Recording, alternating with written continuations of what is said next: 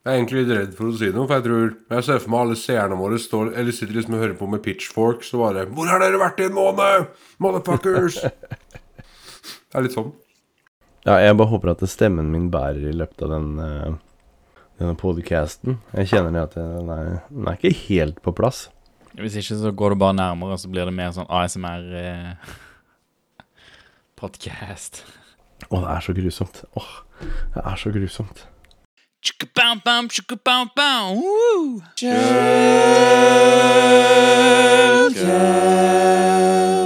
Hei og velkommen til episode 0x2F av Shellcast. Jeg heter Vetle, jeg jobber som pentester, og du finner meg på Twitter som at bordplate.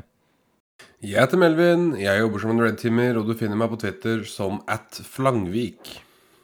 Og jeg heter René. Jeg jobber med sikkerhet i staten, og du finner meg på Twitter som at particlevoid. Så tenker jeg vi skal, ikke, vi skal ikke rote rundt så mye før vi går til nyheter øh, i dag. Men øh, Melvin, du hadde du, har, du har to ting. Eh, du slapp et verktøy eh, mellom forrige episode og denne episoden, eh, som du slapp på Hackon. Og, eh, og så skal du ha noe Det er bekrefta at du skal ha ny, nytt foredrag eh, i, eh, i høst. Så det har jeg òg litt lyst til å høre om. Så kan ikke du fortelle om de to tingene? Jo, absolutt. Så på Hackon nå eh, i eh, tidlig februar så slapp jeg et verktøy sammen med foredraget mitt eh, som het eh, Cobalt Bus, er verktøyet. Og det gikk da under foredraget, foredraget 'Taktisk misbruk av skytjenester'. Og Det er et verktøy som maskerer C2-trafikk gjennom en eh, SAS-løsning levert av Asher som heter Servicebuss. Som egentlig er et eh, meldingsbånd i Ashore, der du kan pushe på meldinger på et bånd, og så kan en mottaker i andre enden plukke opp de meldingene i sin eget tempo, og prosessere dem og transformere dem eller gjøre hva du vil med dem. Så det jeg gjorde da, at jeg integrerte Cobalt Strike uh, sin external C2 eh, med en egen uh, C-sharp eh, C2-kanal servicebuss eh, servicebuss mellomledd, som egentlig da effektivt, altså effektivt transformerte om C2-trafikken fra Cobalt Strike til å gå over servicebuss. da. Eh, og det har noen fordeler med at Microsoft da så klart gir oss et ferdig signert eh, HTTP-sertifikat, samt at domenet vi snakker med, faktisk heter windows.net. Så det er jo litt vanskelig da å spotte C2-trafikk som, eh, som går over win- windows.net-domenet eid av Microsoft. Så det var det ene. Det var veldig morsomt. Det foredraget, eller en variasjon av det foredraget, jeg håper egentlig på å bygge på det, skal jeg også holde da på- Sikkerhetsfestivalen i august. Eh, altså det vil si at spesifikt 31. august klokka kvart på ti. Så holder jeg eh, da eh, forhåpentligvis det, noenlunde samme foredraget, bare en, bygd enda litt mer på, eh, hos Sikkerhetsfestivalen. Og hvor er det en? Det er i Utafor Trondheim, var det ikke det? Jo, no, hvor er den, da? Å, gud. Jeg skal bare finne ut hvor det er hen. Jeg har meldt meg på det her, så jeg burde vite hvor det er. Eh, men det vil jeg tydeligvis ikke.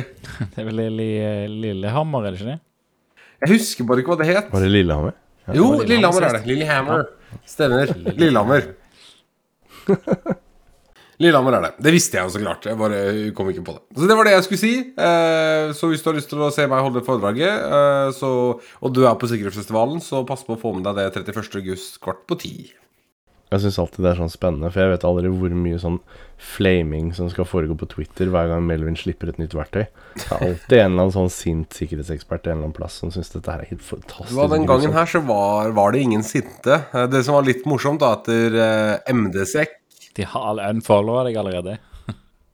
Eh, ja, jeg har på en måte hatt det, men uh, i det holdt foredraget her så var det en utvikler hos MDSEC, uh, som er et uh, sikkerhetsselskap i England, som bl.a. selger sitt eget private C2-rammeverk som heter Nighthawk.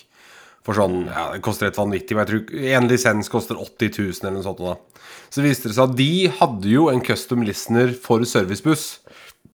Eh, så de ble, jo, de ble jo ikke pissed at jeg nå slapp noe som er offentlig, som de solgte privat, på en måte. Men eh, de var litt sånn Hei, vi har også det her, da. Så nå, nå brente du den, liksom. Så det, det var litt sånn artig, da. De ble jo ikke sinna, men det, sånn er det. Det er, Jeg syns det er fantastisk alle disse her historiene om hvordan du gjør eh, infosec-verden litt sånn butthurt hver gang du slipper et eller annet sånt verktøy. Må holde, må holde flammen gående. ja, tydeligvis. Sånn som når du slipper verktøy, Melvin, som dette, så er jo målet at man skal, at man skal bli obs på at dette er teknikker som eksisterer, og som, eh, som man kan bruke. Det er ikke sånn at eh, Altså At Nighthawk allerede har dette, er en indikasjon på at dette, at dette er noe som blir brukt allerede. At Nighthawk har dette og ikke har sagt noe om det, og ikke har vært ute og sagt liksom dette er en metode man bruker, er jo noe som er litt latterlig i utgangspunktet. sant? Når, når Cobot Strike får en ny funksjon, så, så er det noe som blir offentlig kjent. sant? Det blir kjent med en gang, og det blir kjent hvordan det funker, sånn at man kan plukke opp på det. Det er jo ikke meningen at man skal gå rundt med, med, med, med helt nye metoder som, som ingen noen gang har sett før. Det er ikke meningen at man skal gjøre totalt ny research som ikke blir brukt av, av, eh, av PT-er eller av malware fra før av. Så, så, så når du slipper dette, og Nighthawk sier å, dette, dette har vi allerede, så det er en indikasjon på at dette er noe som blir brukt. Dette er noe som definitivt blir brukt av APT-er allerede. Og, og når du slipper det, så, så, så er det en vei inn for å få, få innsikt i hvordan uh, denne metoden funker. Og, og jeg, synes det er litt latterlig av MD-sektor å ha det som en metode uten å i det hele tatt detaljere hvordan det funker. Men det, det hadde, Jeg hadde et annet spørsmål relatert til det. Eh, det, det service bus-greiene, det, det er litt sånn som MQTT, bare i cloud-versjonen. At du har en sånn message eh, broadcast eh, Altså Kjenner ikke helt til hvordan MQTT funker heller, men, jeg, men det høres ut som en sånn MQTT-greie for meg. Eh, Det er det ikke. Det er bare HTTP rest API eh, som kommer til et endepunkt. Men hvordan, hvordan Når du sender en message til messagebussen, hvordan propagates det ut til, til resten av cloud-infrastrukturen, på en måte? Er det sånn at du i, i en Asher function på en måte kan plukke opp Du kan jo plukke opp den servicebus-meldingen somehow. Eh, registrerer du for en, for en notification, og at den function kjører automatisk, på en måte? Du kan gjøre flere ting. Eh, Lager du en webhook, så, eller lager du en Asher function, så kan den lytte på en webhook eh, som du kan få eh, requester fra gjennom noe som heter Event Hub. Så det er masse du kan gjøre for å integrere det. Men sånn, i alt prinsipp så er det bare Windows HTTPS-kall. eh, API-kall, rest API-kall, liksom. Men, eh, men ja, nei, det var veldig morsomt. Og eh, hvordan Nighthawk forholder seg til det, det er ett fett. Eh, For meg så er det bare det å vise at man, man går Poenget var liksom å vise at det går an å misbruke skytjenester til offensive formål. Og at man må ikke tenke at selv om alt går til Asher, Amazon eller Google eller AWS, så er det noen som eh, som følger med og passer på at det ikke er malicious. Det er ingen som sitter og ser på det på dømmes side, liksom. Ikke sant? Det er ingen som er- Ja, de har en terms of service som sier nei, nei, men det er ingen som, ingen som overholder det på noe vis. Så det er bare å oppså. Men det var egentlig det, så eh, et, vi kan hoppe videre til nyheter. Jeg vet at det kommer til å bli Vi har masse å snakke om ettersom vi ikke har hatt podkast på mange, mange uker. Um, jeg vet ikke, kanskje jeg bare skal kicke det Nei, det er bare Det går én uke mellom hver. Hver slutten av episode så sier vi ses neste uke. Så hvis det ikke er en ny episode, så er det ikke en ny uke ennå. Sånn er det bare. Det har vært tre Sånn er uker denne Nei, vi, vi forholder oss ikke til tid. Tid forholder, oss, forholder seg til oss. Det er sånne det fungerer. Ja. Mm. Nettopp. Der tror jeg vi har eh, navnet på, eh, på dagens episode. Vi forholder oss ikke til tid. Nei, Vi begynner med det helt eh, forferdelige som skjedde 24.2 i år. Og Det var at Russland valgte å eskalere sin pågående konflikt med Ukraina, som egentlig har vart siden 2014, da, altså Krimøya. Eh, ved å bare blatantly gå til krig mot Ukraina. Altså, vi snakker ikke prøve å maskere dette som pro-russiske aktivister som tok opp Nei, nei. Vi går til krig, liksom. De hadde jo samla opp da styrker på grensa i, i mange uker, som de hadde claima var øvelser. Eh, Og så bare 24. februar, eh, jeg tror det var eh, nattestid, så bare gikk, gikk de inn i Ukraina. Og forventa egentlig å ta Ukraina på få dager. Eh, og jeg kan jo kanskje begynne med liksom fra mitt perspektiv. Jeg ble jo egentlig umiddelbart ganske oppslukt med det her, for det er jo liksom Altså, for Det er jo helt for jævlig. Vi, men vi, når vi snakker om det, så må vi jo snakke om det litt sånn objektifisert. Litt sånn som media gjør også, for, ikke, liksom, for å forholde oss til det på et vis. Eh, Så for min del så var det utrolig interessant, selv om det på en måte er feil å si, å, få, se og kanskje studere, da, heldigvis på avstand, liksom det, det som nå man ville kalt moderne krigføring, da, i, i reell tid.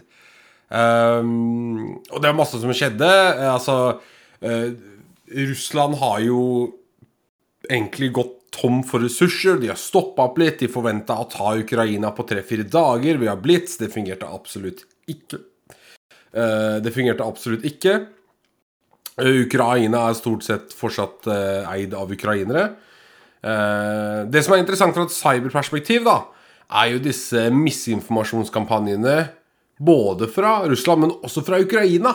Bare, altså bare de første dagene inne i krigen så så vi Ukraina pumpe ut disse eh, misinformasjonskampanjene på Twitter om eh, Hva var det for noe? Denne, denne piloten som hadde skutt ned så og så mange på, altså Det var jo helt ville tilstander med ting som skjedde i Ukraina, og heltemodige helter og, ikke sant? For, for, å booste moral da, blant ukrainere. Det har åpenbart fungert, men eh, ja, vi må bare være klar over at dette er misinformasjonskampanjer som blir brukt for å backe Ukraina i sitt formål om å beholde landet sitt. Ja, jeg, jeg ser det. det. Det som har vært litt interessant for meg i forhold til den posisjonen som jeg sitter i, er jo å se eh, aktiviteten som, eh, som starter eh, de deler av eh, deler av Norge når, når, slike nyheter kommer ut. Og spesielt når man da begynner å bli usikker på hvorvidt dette her kommer til å ramme, norske interesser etc. Um, spesielt da oppe, litt lenger opp i nord og sånt nå, så har det vært ganske interessant å se uh, hvordan det blir håndtert og tatt tak i. Uh, for det har jo definitivt i, i, min del av bransjen ikke stått stille et halvt sekund. Så jeg har fått, fått mye mye tid til å følge med på nyheter og Som du sier, da, disse her kampanjene som har pågått. Eh, rekrutteringen som har pågått. Eh, for ikke å snakke om eh, er, det, er, det, nå vi skal dra en, dra en liten sånn Segway over til eh, til eh, ransomware-grupper og liksom hvordan de har håndtert situasjonen. For det var jo eh, Conti som som litt sånn på et eller annet vis klarte å skyte seg litt i foten ved å gå ut og aktivt eh, si at de støtta eh, russisk aktivitet i Ukraina.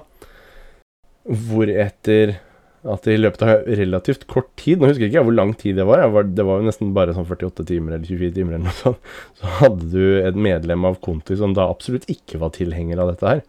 Eh, som bestemte seg for å dumpe en hel haug med loggdata Eh, og, og, info om, om Conti sin in, interne eh, struktur og, og, kommunikasjon. Da. Det som er uh, utrolig, som du sier, da, at disse forskjellige uh, skadevareaktører, ransomware-grupper, uh, umiddelbart bare meldte hvilken, hvilken allianse, altså bare meldte side. Og det fins Excel-ark på nettet der du kan få vite hvilken, altså hvilket ransomware-grupper, uh, navngitt, som støtter Russland eller Ukraina. Conti da gikk fort, hardt ut, som du sier, og sa vi backer Russland i det de gjør. Sikkert da antar man at liksom Conti er predominantly russere, kan man anta da. Siden, eller, eller, vedkommende som har tilgang til nettsiden for å publisere informasjon da, for russisk. Eh, og da retalierte jo en eller annen, da, eller flere vedkommende inni Conti med bare, vet du hva Fuck you guys! Så da var Ukraina bare posta liksom eh, alle chattelogger mange, mange måneder tilbake. Da fra forskjellige operasjonelle chatrom. Eh, an, angivelig eh, Jabber eh, XMPP. Eh, og bare dumpa det plaintext. Uh, og jeg husker veldig godt satt, Vi satt på en internchat i TS også med noen fra Inset Response i Binary Defense. Som da begynte å, å rive fra hverandre loggene og så få de translata til engelsk. Uh, jeg tror vi endte opp å bruke en Asher-løsning. en eller annen cognitive research Asher-tjeneste for å få translata de til decent engelsk. Og det var jo hundrevis av lenker til brennbare dokumenter og filer, referanser til at de hadde kjøpt EDR-løsninger. Jeg tror Crowdstrikes og eh, Carbon Black spesifikt var nevnt. At de hadde kjøpt Carbon Black og installerte på en VM gjennom et, et falskt datterselskap for å teste ransomwaren sitt mot det. Og, og, det var liksom flere hundre personer involvert, og det var, liksom, det var infrastruktur da på at disse gutta drev med dette, og de fikk dette betalt. Og så videre, og så. Så det var et sånn kjempe Det var sånn drømmescenario fra oss da som sitter og, og lever av det her, og får liksom et sniktitt inn i hvordan hverdagen til disse operatørene er. Ja, for sånn fra vår side som, eh, som sitter og gjør en del analyser av trusseletterretning og prøver å bygge Bygge sånn forståelse av hva det er som foregår på, på utsiden for å forstå hva som skulle forsvares, og hvordan, så var jo det ganske interessant å kunne eh, parse gjennom disse loggene her og hente ut utallige IP-adresser, eh, nettsteder, eh, brukernavn og passord til visse av disse tjenestene. Eh, ja, nei, det, var, det var liksom ikke begrensninger på hva slags gullgruve av informasjon dette her var. Det var jo brukernavn og alt mulig rart som gjør det liksom mulig å, å, og, bruke osint og andre teknikker for å på en måte finne, finne disse aktørene og andre ting som de eventuelt er relatert til, osv. Så, videre. så det var, eh, det var en veldig interessant logo logg å sitte og bla i. Det er veldig tydelig eh, Sånn sett så er det veldig tydelig hvilke, hvilke grupper som eh, Og dette har vi jo nevnt før òg, at, at Russland har vært eh, flinke til å weaponize eh, de kriminelle på den måten. Sant? De som driver med ransomware og sånne ting. Russland har jo eh, latt være å og, og, um, ja, hva heter det, det fengsle Altså gå etter de gruppene som, som ikke har noe historikk eh, med å angripe russiske mål. Sant? Det er derfor man har en del av de, de, de, de ransomwarene som, som lar være å angripe datamaskiner med russisk tastatur installert, f.eks. For de har gjort en effort eh, mot å ikke angripe russiske mål, og da har Russland vært sånn ah, whatever. Um, og da er det òg veldig tydelig hva som er Nå er det jo tydelig at Conti er ikke Det er ikke noe som er Det er ikke statsstyrt, sant? Dette er en av de, det er en av de weaponized gruppene eh, som, som Ja, de er kriminelle, men de har, de har en kombinasjon av ukrainere, russere, sikkert andre òg eh, rundt omkring, men det er i hvert fall tydelig at det er en kombinasjon av russere og ukrainere, minst. Eh, så, så dette er i hvert fall ikke en av de APT-gruppene som driver med ransomware. For det er òg noen av APT-gruppene som driver med ransomware. Og de åpenbart viser jo sin støtte til Russland. Sant? Så, og en av de eh, Jeg kommer til å legge det eller ligger i shownotes. En av de uh, tingene jeg fant ganske tidlig, var en liste over uh, altså verifiserte og semiseriøse reportere osv. som uh, som, som er på Twitter, og som kontinuerlig publiserer informasjon fra mer eller mindre altså gode kilder. Eh, det er uunngåelig å ikke komme gjennom noe falskt og noe misinformasjon. Jeg husker fra de tidlige dagene så var det veldig mye falske kampvideoer fra spill, sånn som Arma. Eh, som har lagt ut en litt shake på TikTok blant annet, og folk bare hadde liksom ah, dette er ekte så, så det er viktig å være litt på vakt her med hva man ser, men eh, den, den eh, linken kommer til å ligge i ressurser. Og der finner man veldig mye relevant informasjon. Eh, og det man ser nå, da igjen Jeg, jeg, jeg, en, jeg, er absolutt ikke noen krigsekspert eller analytiker, eller noen ting. Min forståelse, bare å se på det de som er det, skriver på Twitter og lager litt sånn halvdokumentarisk, eh, altså halvdokumentarisk videoer om på YouTube, er at der, Russland gikk for å blitse Ukraina, skulle ta det på tre-fire dager. Eh, når man gjør det, så etablerer man ikke nødvendigvis eh, støttelinjer bak seg med, med støtte. Altså vi snakker mat, ammunisjon, bensin Alt det man trenger for å kunne drive krig til frontlinjene. Man bare gønner på. Den taktikken feilet, og da sitter disse ulike bataljonene eh, ikke igjen med noe som helst form for ressurser. Altså de, de har ikke bensin. Så vi har sett masse videoer, masse bilder av stridsvogner som bare har blitt abandona langs veien. Fordi en stridsvogn uten bensin Det er en kald, kald klump med metall som ikke flytter på seg. Som du ikke får til en dritt med, og er helt ubrukelig. Eh, Så vi har sett liksom bare eh, russiske soldater som bare bailer fra vognene sine. Du finner de overalt. Eh, Vi har sett ukrainske bønder som kjører av gårde med russisk militærutstyr med traktoren sin. Og da har vi sett noen memes om at dette blir lagt ut på eBay og greier. da, ikke sant? Men det er liksom det verste marerittet til den russiske troppen, det er ukrainske farmers med traktorene sine. Jeg må si at jeg likte den der eBay Den tanksen på eBay. Den syns jeg faktisk var ganske fin. Jeg leste en tweet i dag som ikke er ikke nødvendigvis bekrefta, over en intercepta radiokommunikasjon mellom eh, noen en eller annen russiske eh, russisk eh, eh, styrker, som sier Og da sa en eller annen general eller kommandør eller hva Jeg kan jo ikke the chain of command i det hele tatt, beklager, men en eller annen leder vedkommende for en gruppe inne i Ukraina sa at der, moralen var lav, og at veldig mange av soldatene hadde fått frostskader på fingrene, og at de ikke hadde mat. Så jeg kan tenke deg at da er moralen lav. Eh, og det er jo det, det man har vunnet på, da. Man slåss jo i teorien mot ukrainere som, som, har lyst til å forsvare fedrelandet sitt på alt, og er villig til å ofre alt for det. Og så, slåss, og så er det møter de da, eller Russland da møter jo det. Og russerne sender jo, etter hva man ser, unggutter som mange ikke vet at de er i krig. Mange tror de fortsatt er på øvelse, bare fått beskjed om å kjøre inn i Ukraina. Fått beskjed om at de blir velkomne med åpne armer for å frigjøre dem fra nazisme eller hva det er. Og så får de et lite sjokk da når de finner ut at det, liksom, det, det, er ikke helt realiteten. Men det er helt forferdelig. Og eh, det, hvis man skal snakke litt om konsekvensen av det her altså Putin har jo da klart å ødelegge mer på, for Russland på de tre ukene siden krigen. Altså Han har klart å dra Russland tilbake til liksom rett etter Sovjetunionens oppløsning. Sånn økonomisk, da på, på, tre uker. Det er jo helt absurd. Jeg tror, jeg tror ingen i Kremlin forventet at den vestlige, vestlige, verden skulle stille opp med så strenge sanksjoner som vi har gjort. Og det må vi bare fortsette med å være sterke på til, til et eller annet sprekker.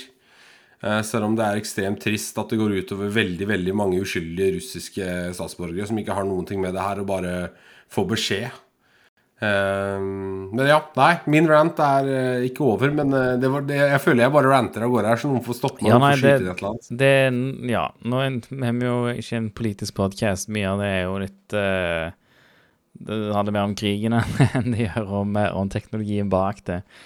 Men, ja, sant, det sant. Men, men, men det, det, er interessant å nevne ting som det har plukka opp en del eh, russiske russere som har ringt hjem, blant annet, og som ikke vet at de går gjennom eh, ukrainske telefonmaster.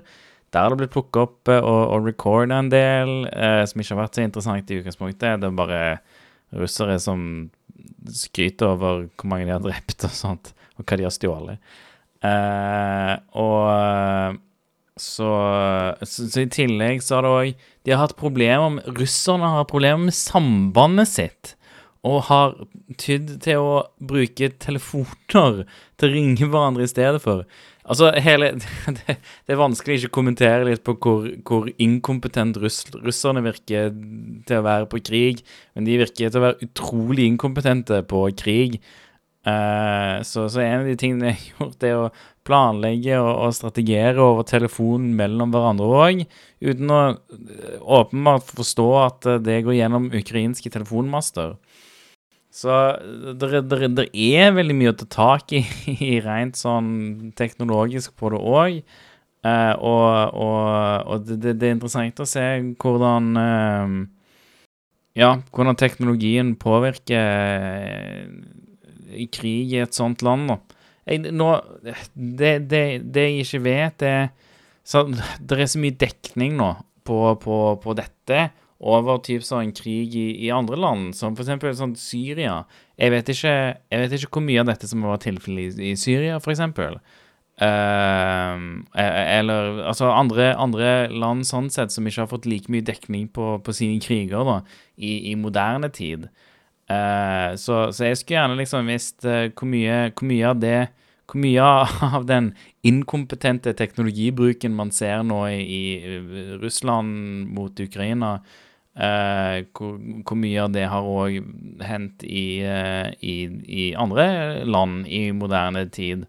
Det, det, var, jo, det var jo en del prat rundt teknologibruk i forhold til Syria når, eh, når IS eh, gikk inn og begynte, begynte sin aktivitet i, i, Syria, så var det veldig mye snakk om dette her. Eh, ironisk nok ble det poengtert liksom hvor dyktige de var til å bruke teknologi. Det som har vært interessant å se, følge med på i ettertid, har vel egentlig vært det at de har kanskje vært flinkere til å bruke teknologi, men ikke flinkere til å liksom faktisk bruke den, hvis det gir noe mening. de har vært mer aktive, men de har ikke vært uh, mer tekniske.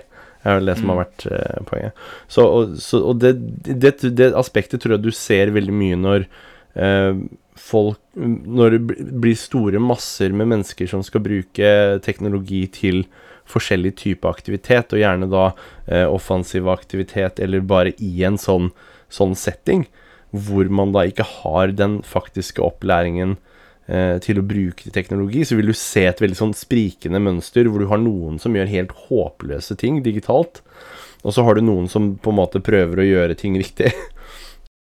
Så, så jeg, jeg tror nok eh, bare det at vi har nok fått mer fokus på det nå, fordi at eh, både Ukraina og Russland har jo vært ganske kjente med sine eh, internettkampanjer til nå. Altså både eh, statlige aktører og kriminelle grupper. For vi kan ikke legge under en stol det at også Ukraina har hatt sin fair share av eh, malware og ransomware-grupper og, og, og, og sånt noe. Så, så, så begge disse landene her er jo kjent for den type aktivitet. Så jeg tror ikke det er så veldig rart at vi ser nå da at det, det, det er mye snakk om teknologi.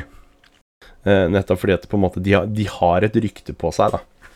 Ja, det, det er jo land med, med, med, med utvikla teknologi ja, Utvikla teknologi Altså, det er jo land med, med teknologer, eh, kan man vel si. At, at det, det, det er folk som, som har peiling på teknologi. Eh, og og det er, mange som så, Altså, er mange som jobber med programmering, IT generelt sett, i, i begge landene. Åpenbart. Både Russland og, og, og Ukraina har jo ekstremt kjente universiteter i Mm. forhold til dette her, som er innenfor teknologi og IT. Eh, og, og Ukraina har vel kanskje en av, inntil nå, i Kiev hatt en av de abs absolutt mest anerkjente teknologiuniversitetene i verden. Så, så det fins nok en del eh, Det ligger nok noe i det du sier der, eh, eh, vet jeg. Når det kommer til teknologi, og så så vi jo verdens dårligste deepfake produsert av Altså kan vi jo ikke direkte kontrollere til Russland, da. Men det, et par dager siden så var det en deepfake av uh, ukrainske presidenten som sa til at nå må dere legge ned våpnene, og nå, nå har vi tapt krigen, og la Russland komme inn, osv. Og, og det var jo bare helt ræva deepfake. Altså, det så ut som noen hadde brukt en av de gratisappene i AppStore som du tar bilde av trynet til noen, og så bare mapper de det oppå deg, og så kan du snakke, liksom. Jeg hadde elska hvis det var sånn South Park, litt sånn Terence and Philip, sånn flapping Ja, head-type Og det overraskende nok så syns jeg eh, i sosiale medier har vært vanvittig flinke til å calle ut sånne ting. Jeg trodde sånne type angrep, selv om dette åpenbart ikke var en veldig sofistikert en, skulle ha mye større impact hos eh, For å være fæle mennesker over 50, da, ikke sant, som kanskje sliter med å separere en, en deepfake fra, en, fra et eh, virkelig bilde.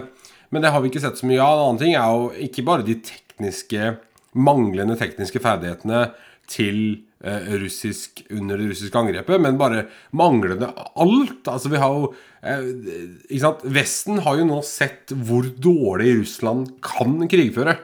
Så mye av denne skremselspropagandaen bak tall, da, bak hvor stor Russland er om makten de sitter med, og antall ditt og antall datt og kapabiliteter, har jo liksom blitt blåst litt bort. Fordi når man ser hvor det, altså, så dårlig kan det være, sender ut 18-19-åringer i førstelinja som ikke vet hvor de er, eller hva de skal gjøre. liksom Men ja, det er ikke en politisk podkast. Jeg bare syns det er utrolig morsomt å, å burne uh, Putin litt på, uh, på en vanvittig dårlig avgjørelse. Jeg, jeg, Um, Jeg syns du toucher inn på noe, noe interessant der. og det er at Russland har spilt kortene sine når det kommer til misinformasjon. Det de har gjort overfor Altså de siste årene mot, eh, mot USA spesifikt, eh, der er det jo veldig tydelig at Altså eh, jeg syns i hvert fall det er veldig tydelig eh, at, at de har drevet mye misinformasjon mot USA. For å, gjerne for å prøve å få valgt president eh, som, som hjelper de, om man kan si det. Eh, uansett, det har gått mye misinformasjon fra Russland og ut eh, mot verden de siste årene. Og, og de, de har spilt kortene sine veldig hardt der, og, og gjort at det er veldig tydelig hvordan, hvordan de sprer misinformasjon. Fordi at Hadde ikke de gjort noen ting av det før, så hadde ingen vært klar for hvordan misinformasjon kunne blitt spredd om krigen i dag. Men fordi at de har gjort så mye av det nå de siste årene, så har alle sosiale medier blitt klar.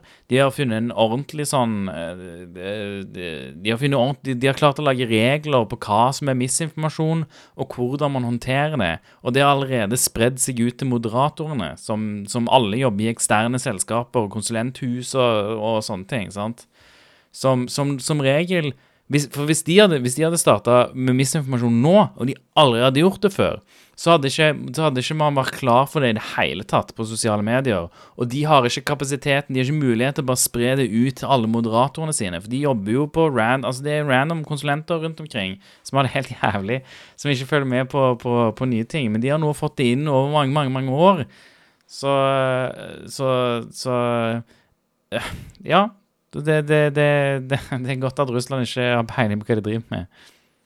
Eh, en annen ting er eh, dette med eh, Altså, vi har jo sett at Ukraina har prøvd å samle sammen en cyber army, altså rekruttere eh, hackere da, fra rundt om i Europa, og, og gitt dem en, gitt en spesifikk liste over russiske mål de ønsker tatt ned, osv.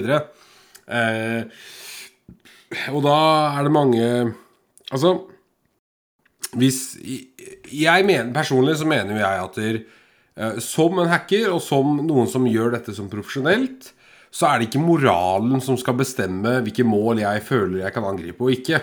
Så selv om jeg skulle likt å deface en eller annen russisk eh, nettside og gitt storefingeren til Putin, så er det ikke sånn at jeg melder meg inn i det.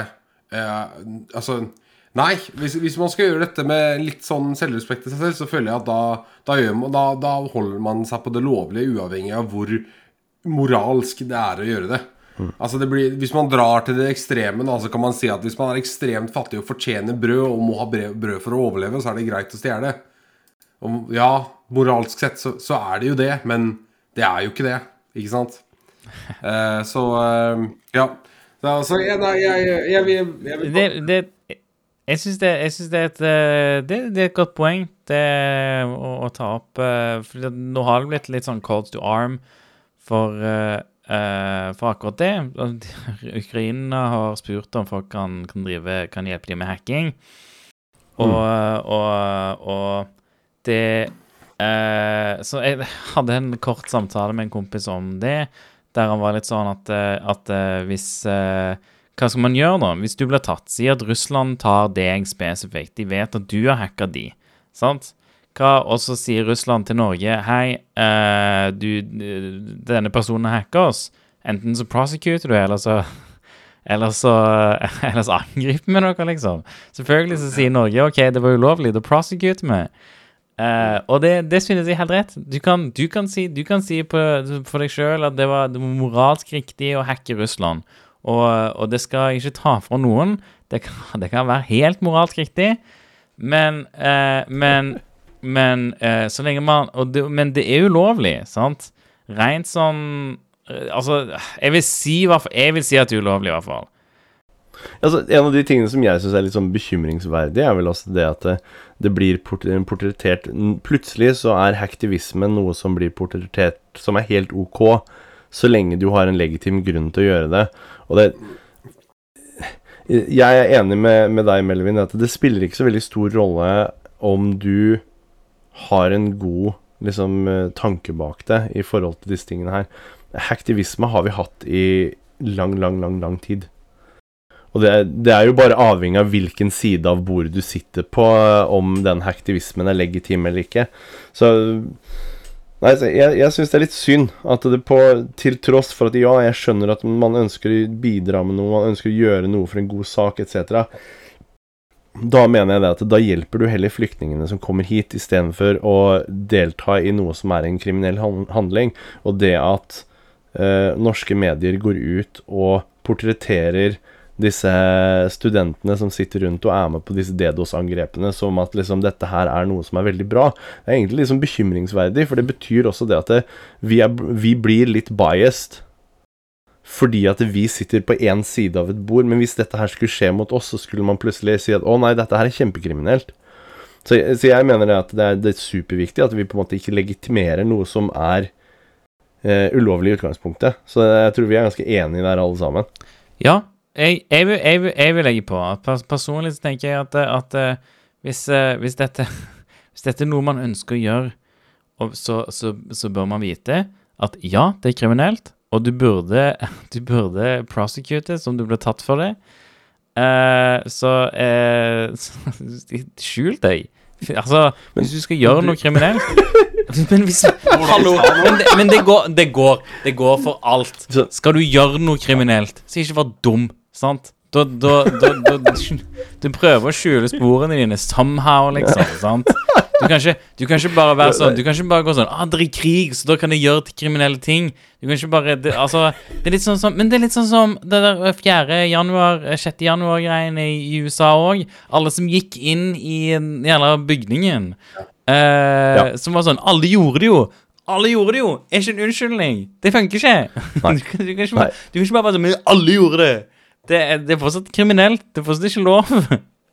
Det fins alltid en bedre løsning enn å ty til noe som i utgangspunktet er kriminelt. Og jeg synes det at det, det For alle som ønsker å bidra med noe, så syns jeg at ja, men bidra med noe, men, men bruk fornuft når du bidrar. Og, og, og gjør noe som faktisk kommer til god nytte, tenker jeg. Så prøver, prøver vi å unngå at noen eh, tar ned podcasten vår og svartmaler Shellcast eh, i, i, i aktivismens navn. Det går ikke an å ta ned podcasten vår. Den er self-hosta. Jo, men det, The claims. Ja, men jeg er jo, jeg er jo helt, jeg er helt enig i det dere sier. På mitt, altså akkurat mitt, eh, Min stilling er mer sånn at hvis vi skal begynne å sette til side lovverket vårt og prinsippene våre hver gang vi føler noe er moralsk feil, så, så blir det bare tull. Ikke sant? Ja, og da, da, da viser vi egentlig også det vår egen svakhet i det at ikke vi klarer å stå for det som i utgangspunktet Riktig. skal være riktig. Riktig. Så Helt enig. Jeg mener, jeg mener det er litt som å jukse i Det er litt som å jukse i monopol. Hvis du Altså, det, det er ikke lov. Du, du, altså, du, du kan ikke bare jukse. Og, øh, og hvis du blir tatt for det, så er det ikke sånn 'Å ja, oh, nei, sorry, jeg skal slutte å jukse framover'. Du skal få konsekvenser, sant?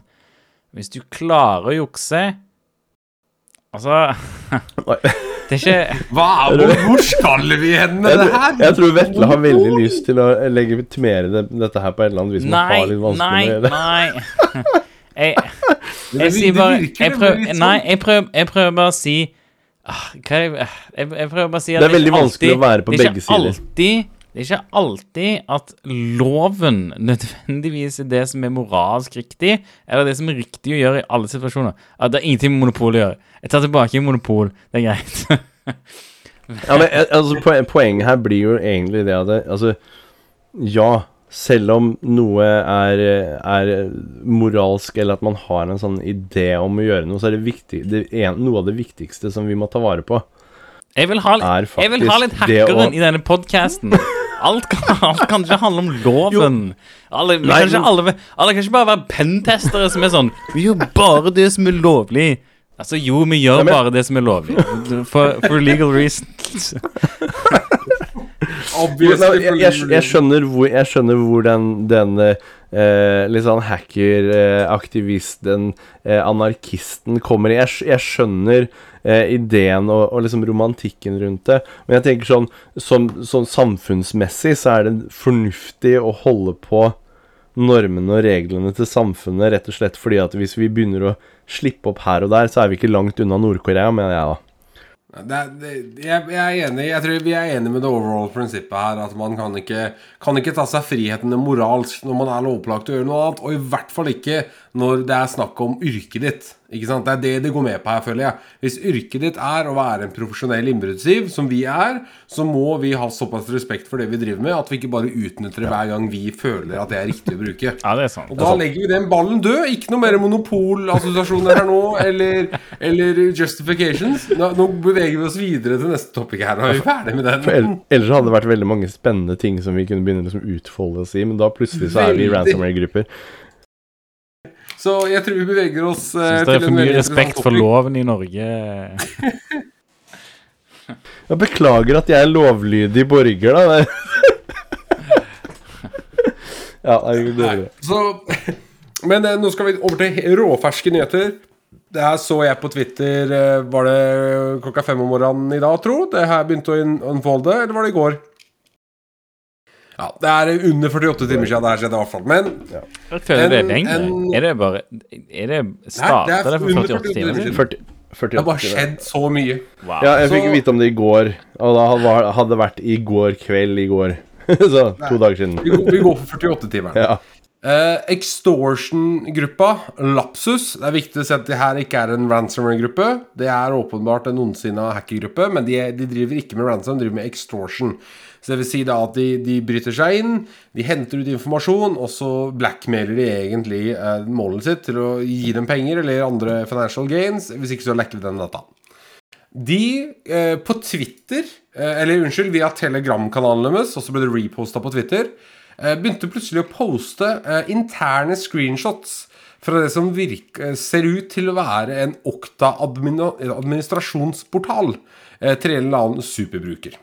Og bare for å gi konteksten her, Okta er en access management-leverandør, altså en SSO, single sign-on, eh, som bl.a. støtter Microsoft. Så hvis, hvis en bedrift, bare for å gi konteksten À la Auth Zero, liksom? Ja, så hvis en bedrift bruker Okta og Office 365 f.eks., så vil du da må, igjen, må du da logge gjennom Okta og ha brukere i Okta for å få tilgang til Office 365 eller andre telepasstjenester.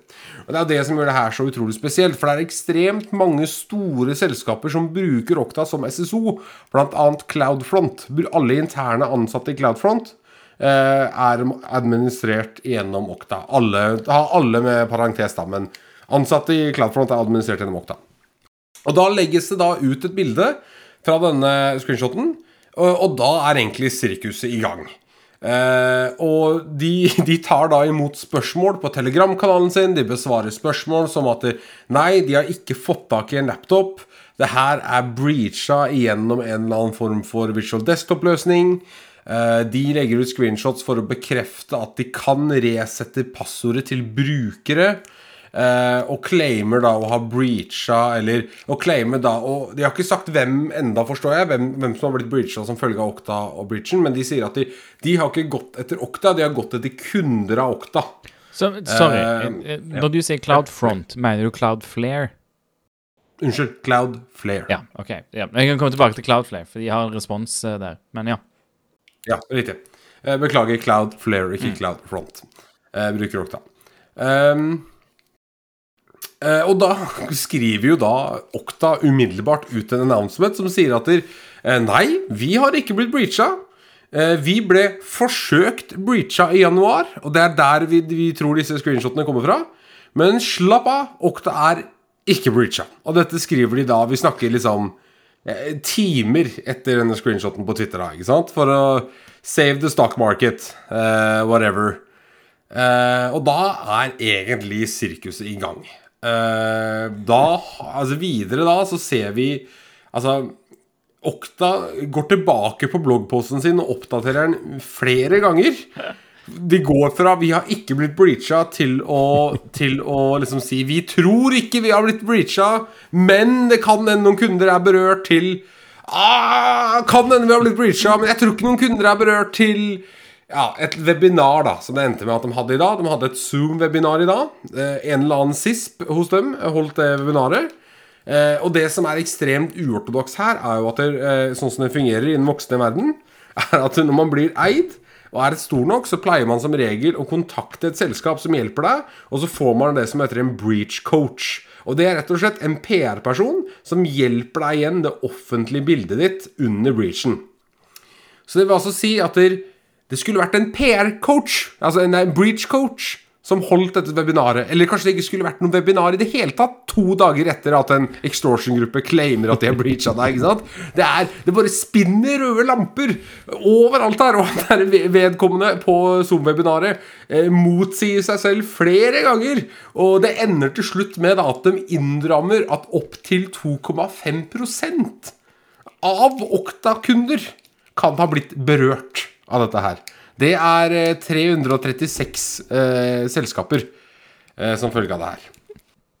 Jeg, jeg, jeg syns det er ganske interessant altså sånn i forhold til eh, hva som er sånn normal kutyme, som du snakker om. Det der med å, å ha en, ha en, eh, perso en egen tre... Liksom sånn eh, å si sånn uvitende tredjepart til å på en måte presentere eh, situasjonen på en fornuftig måte. Eh, kontra å da ha en svett siso eh, som er på randen av nervesammenbrudd eh, til å holde en presentasjon, er jo litt sånn eh, Man kan stille seg spørsmålet eh, Hvor pressa er de egentlig når de gjør en sånn handling, kontra å på en måte nøkternt sette seg ned og si at ok, vi trenger noen profesjonelle til å komme ut med et eh, presseutsalg. Holde ordentlig pressekonferanse, gjøre et eller annet sånt noe fornuftig. Eh, jeg, jeg er litt nysgjerrig på hva som skjer på bakrommet der, for hvis det er så rotete utad, da må det virkelig brenne på dass der eh, på, bak veggene, for å si det sånn. Jeg får veldig Eh, skadefryd er av sånne situasjoner som dette. Eh, Så altså, hadde de, håndter, hadde de håndtert det bra, hadde de vært sånn ah, OK, shit, vi, vi gjorde det ordentlig dårlig. Så hadde de vært sånn Å, nei. Å, stakkars Okta. Men når de er litt sånn Når de er litt sånn Jeg har ikke blitt hacka, hva snakker du om? Ah, OK, ikke blitt hacka. Si sånn. sånn Det er veldig gøy. Da, men altså, altså, altså har du jo, ikke sant Vi venter jo fortsatt mer tekniske detaljer her. Og det jeg leser et sånn halvtranscript av Zoom-webinaret, og det er jo sånn Det er det Daddy beskriver det, sånn halvmanisk. Den sispen eller eller hvem faen det var. Det er sånn at det, ok, Så de claimer da at det er et tredjeparts selskap som de har outsourca altså technical support eller business engineering til, som heter Citel. Og de har blitt breacha gjennom RDP.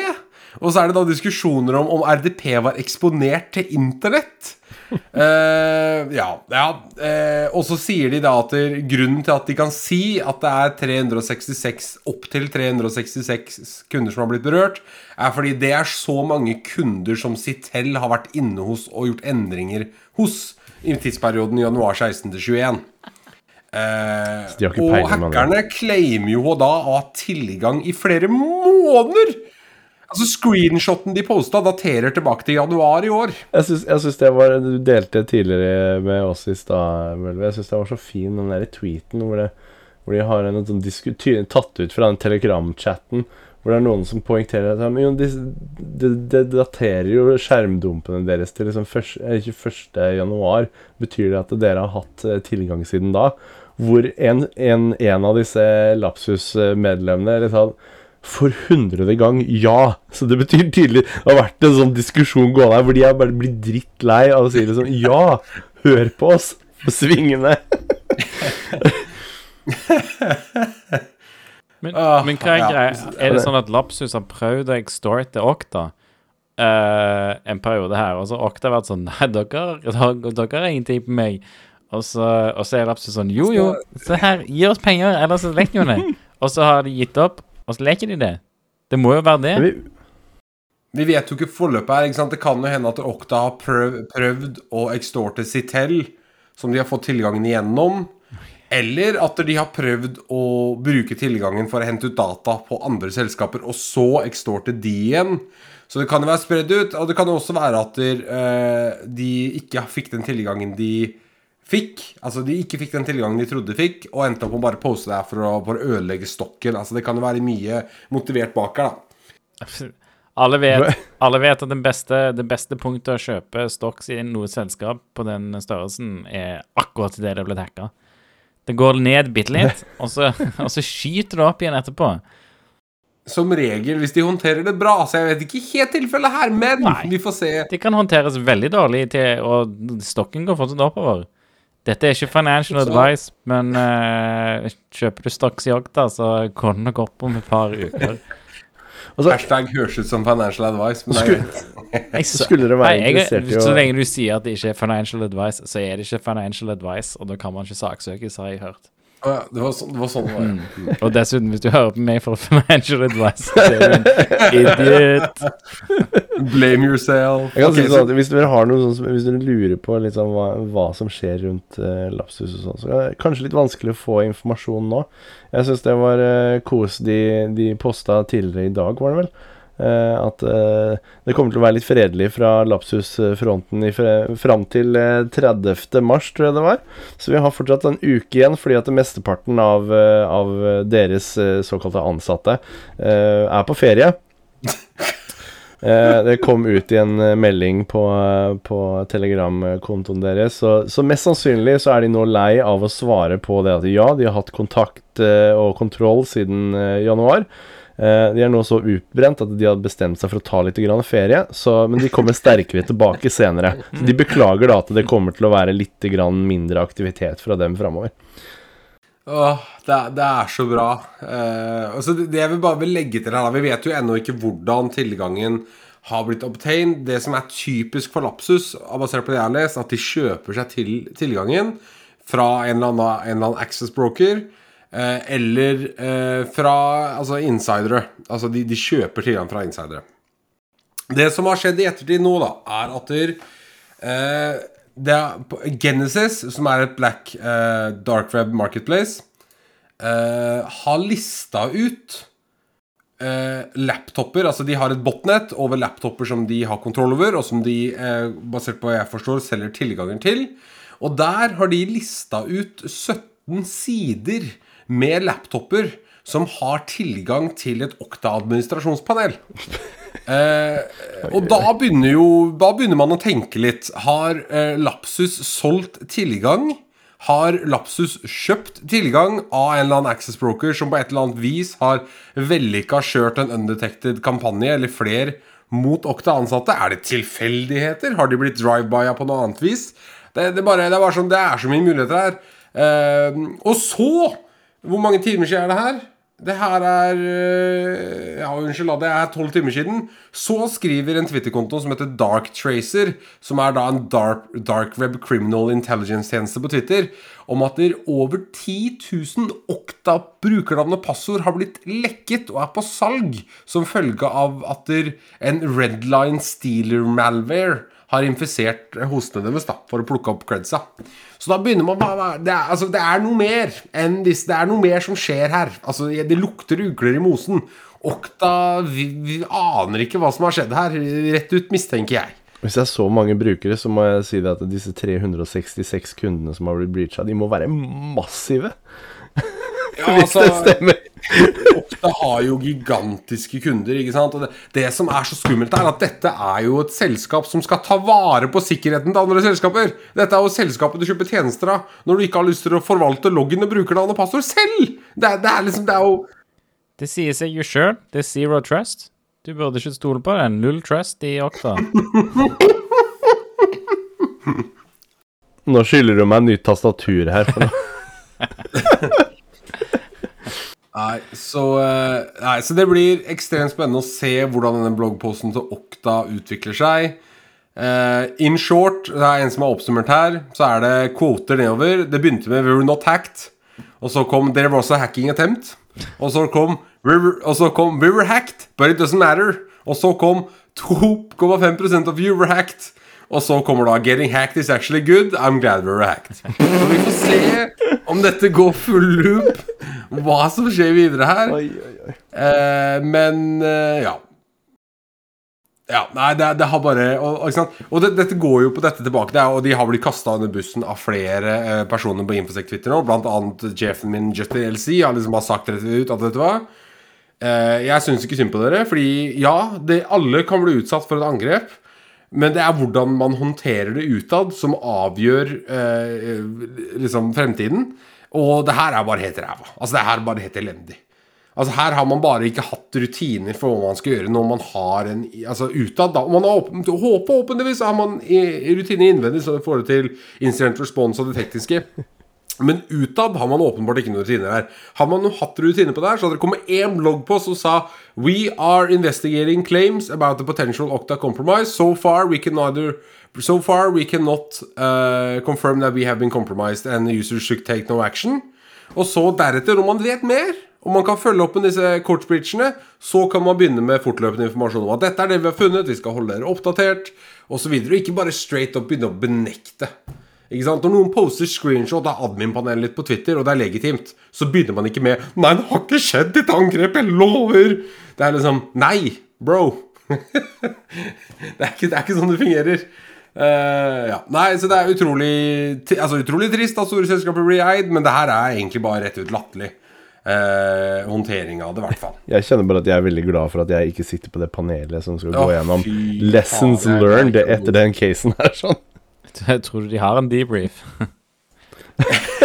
Én. Tror de har sånn fortløpende 24-7 debrief. Nei da. Men eh, de, de gutta og jentene som sitter på Insert Response der nå, jobber sikkert ræva av seg. Så all kudos og creds til dem. De, de gjør jobben sin. Eh, Det er ledership-håndtering her, her som er helt eh, elendig. Litt GG. altså.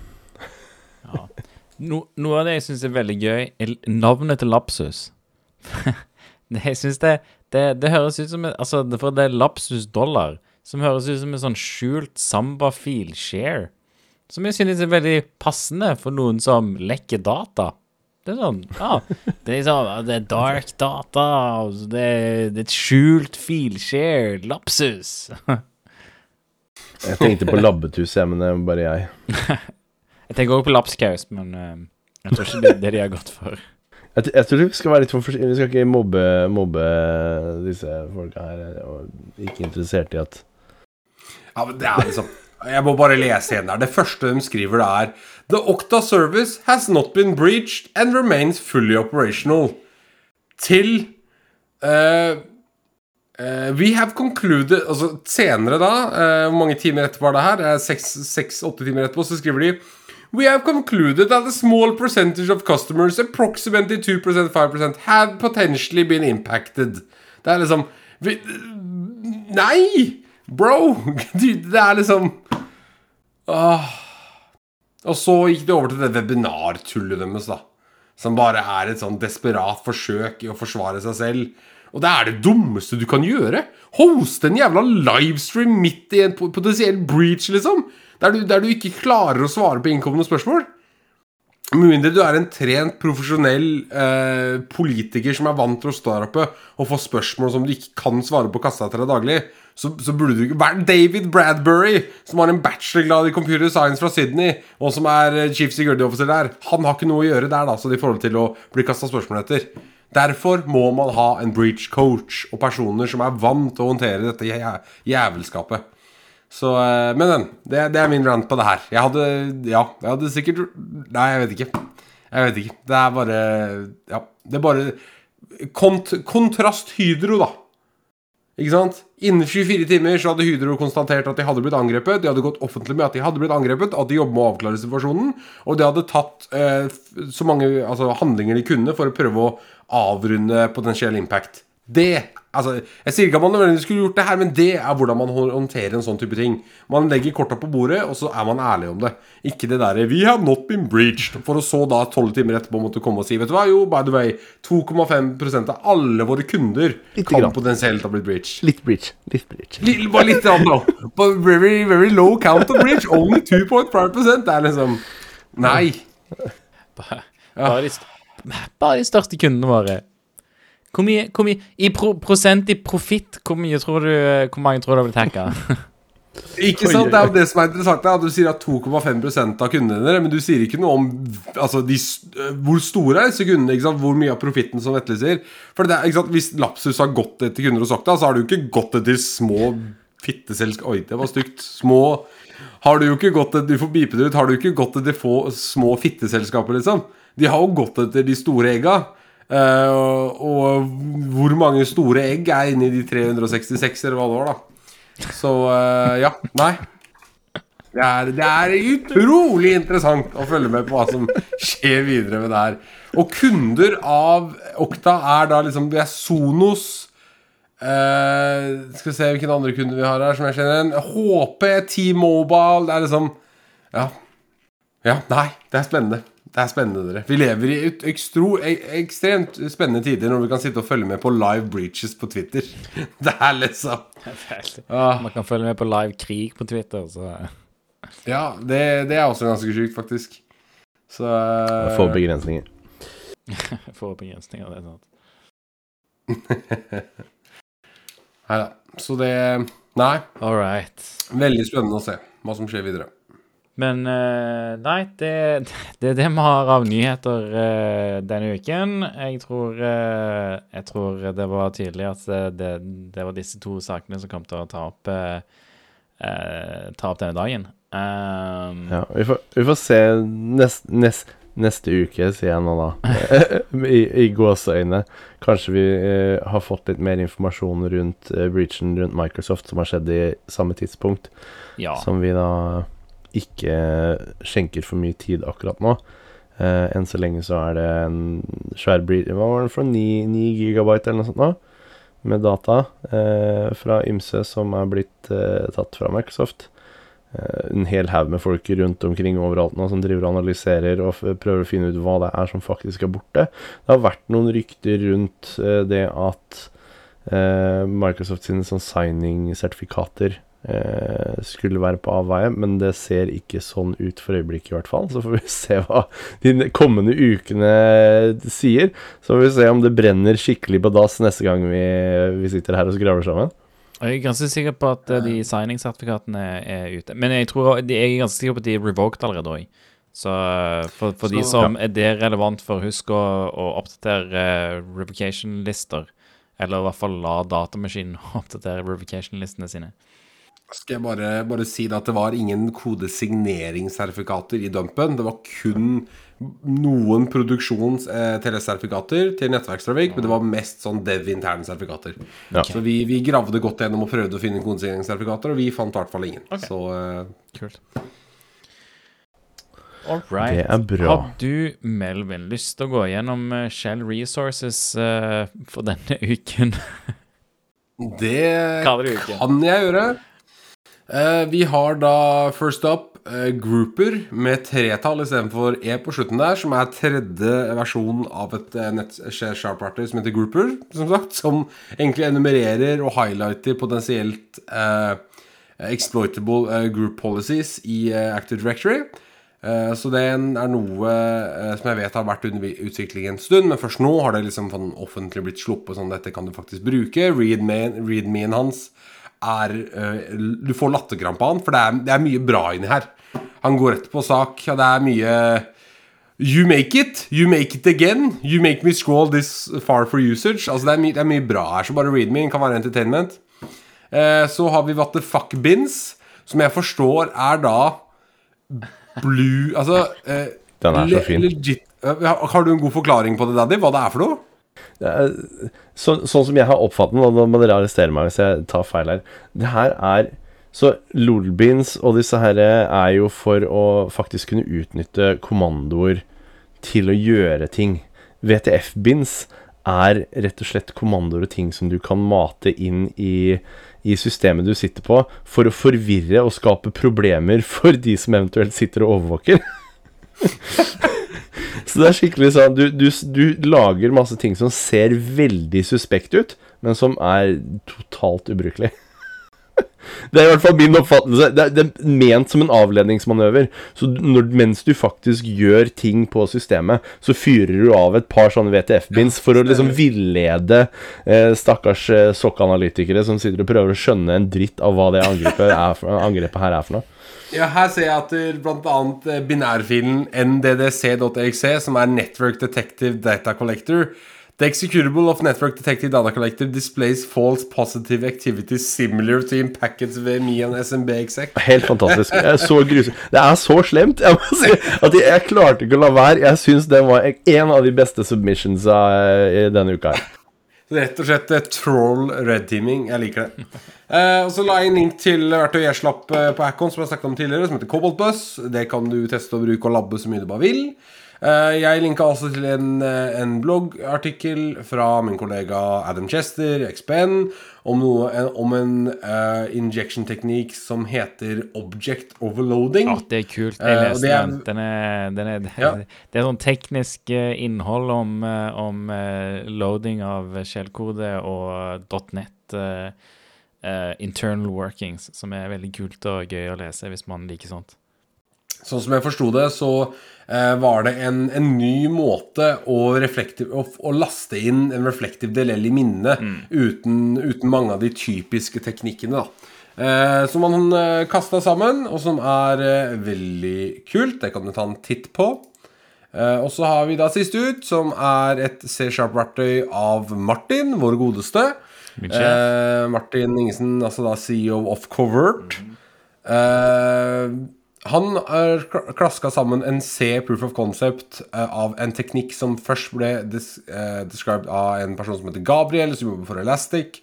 Gabriel Landau Landau, faktisk. Landau Jeg skal ikke prøve. Han Gabriel fra Elastic. Han Legg han død. La han dø der. Ja, jeg la Oi, oi, oi. Depends. Og Det er rett og slett et verktøy som heter Token Stomp, som lar deg fjerne access tokens fra eleverte prosesser, sånn som antivirussoftware. Eh, som egentlig da gjør dem blinde. Det blir det samme som å kjøre i en Chrome Sandbox. Altså, de har ikke tilgang til en dritt. Uh, og dette kan du da gjøre som system. Du må ikke være trusted installer, som er svakheten her. Vanligvis så kan du ikke bare drepe Microsoft Defender-prosessen lenger, for den kjører som trusted installer. Eh, men, men access-tokenene til eh, Windows Defender kan du revoke som system, fordi de er ikke properly beskytta med AS heller. Eh, så der har du en måte å ikke nuke antivirusløsninger, men bare blindgjøre de, som har eh, potensielt samme effekten, da. Og det var det vi hadde av Shell Resources for i dag. Ja. Så vil jeg igjen minne på at uh, det er, en discord som heter Norsec, som eh, er en discord eh, for uh, infosec-profesjonelle i Norge, der man kan diskutere masse forskjellige greier. Det er å diskutere ting som er relevant innenfor infosec eller cybersecurity, om du vil. Eller så er det å diskutere å kjøpe gammel hardware, eh, og man diskuterer Ja, nei, masse forskjellige greier. Vi har en kanal der.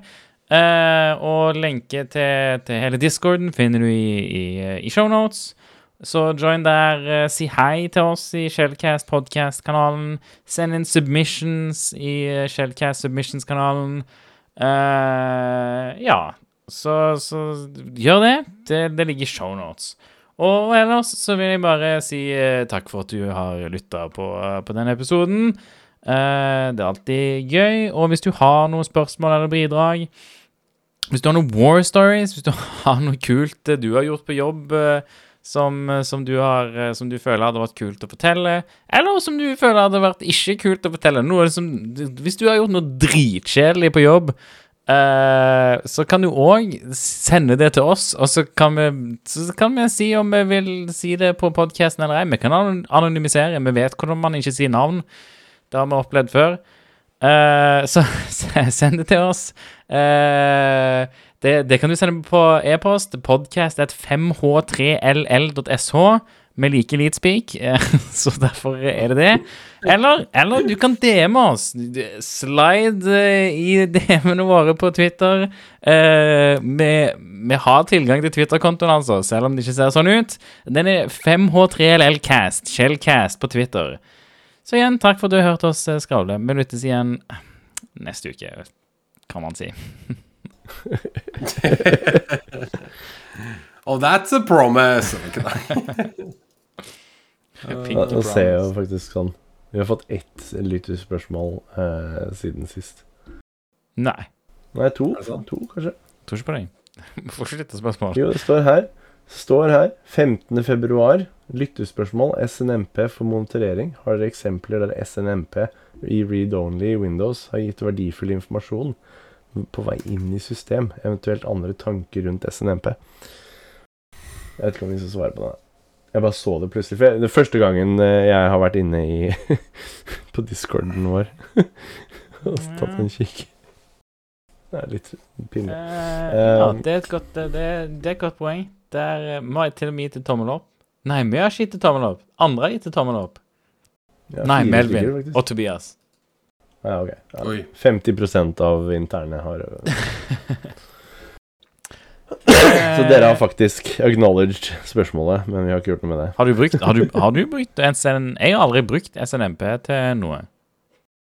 Eh, aldri selv, så jeg vet ikke om det er så mye å svare på. Read only Nei, SNMP. men jeg, jeg skal bare spørre. Jeg, jeg, har ikke, jeg har ikke brukt det heller, så Så eh, Altså SNMP som i mail? Nei. Simple Network i- ja. eh, er Messenger Protocol eller noe sånt? Simple? Network um, Monitoring Protocol. Monitoring er det. Yes. Management, management, management, sorry. Simple ja, okay, Networking yes, yes. Management Protocol er det. Yes, yes, yes, Åpenbart. yes. Siden ikke vi engang vet hva akronymet er ordentlig, så tror jeg vi dropper hele dritten. Det ble grisevarmt her. Jeg, jeg, har ikke, jeg har ikke opplevd at det er noe som har vært eh, Det har ikke vært nyttig for meg i pentester heller, for så vidt. Eh, Jeg har jeg har opplevd at uh, Nmap har sagt at porten har vært åpen, men jeg har aldri hatt noe informasjon der, og aldri, aldri hatt noe nytte for noe av det sånn sett. Så jeg tror ikke Jeg- Det, det virker ikke så utbredt ifra perspektivet jeg har, i hvert fall. Eh, eh, Det har gitt meg noe eh, informasjon. I, men det, det, det er litt sånn Den har vært grei bare for å verifisere annen informasjon som jeg har sett andre steder. Det har aldri gitt Mm. meg noe unik, ny ting som på en måte er banebrytende for en case jeg sitter på. Eh, men eh, vi pleier jo aktivt å be folk om å skru det av eh, ut mot internett og sånt noe, rett og slett fordi at det, det kan være med på å verifisere en del i, i enumereringsprosessen. Men har aldri, personlig har det aldri gitt meg noe banebrytende data. Ja. Så jeg vet ikke om det faktisk endte med å bli et sånt svar. Det er, det er hvis, noen, hvis de gidder Vel, hvis de ikke gidder å høre til shownote Nei, til Ikke shownotes, til men til slutten av showet, så fortjener de ikke å høre svaret. Nei, Nei, men den er god. Skal vi, skal vi klippe strengen der, holdt jeg på å si? Var det ikke det, tror jeg? Jo. Morkake? Nei. Jeg er ikke sikker. men OK. nå tenkte jeg, begynte jeg å tenke på den derre Hva er det for noe? Putti, plutti, plott. Klippe, klippe, klippe, klippe Det vet da faen. jeg. Det vet da faen. Ja, men det er greit. Vi, jeg tror det er greit. Plutti plott. Det var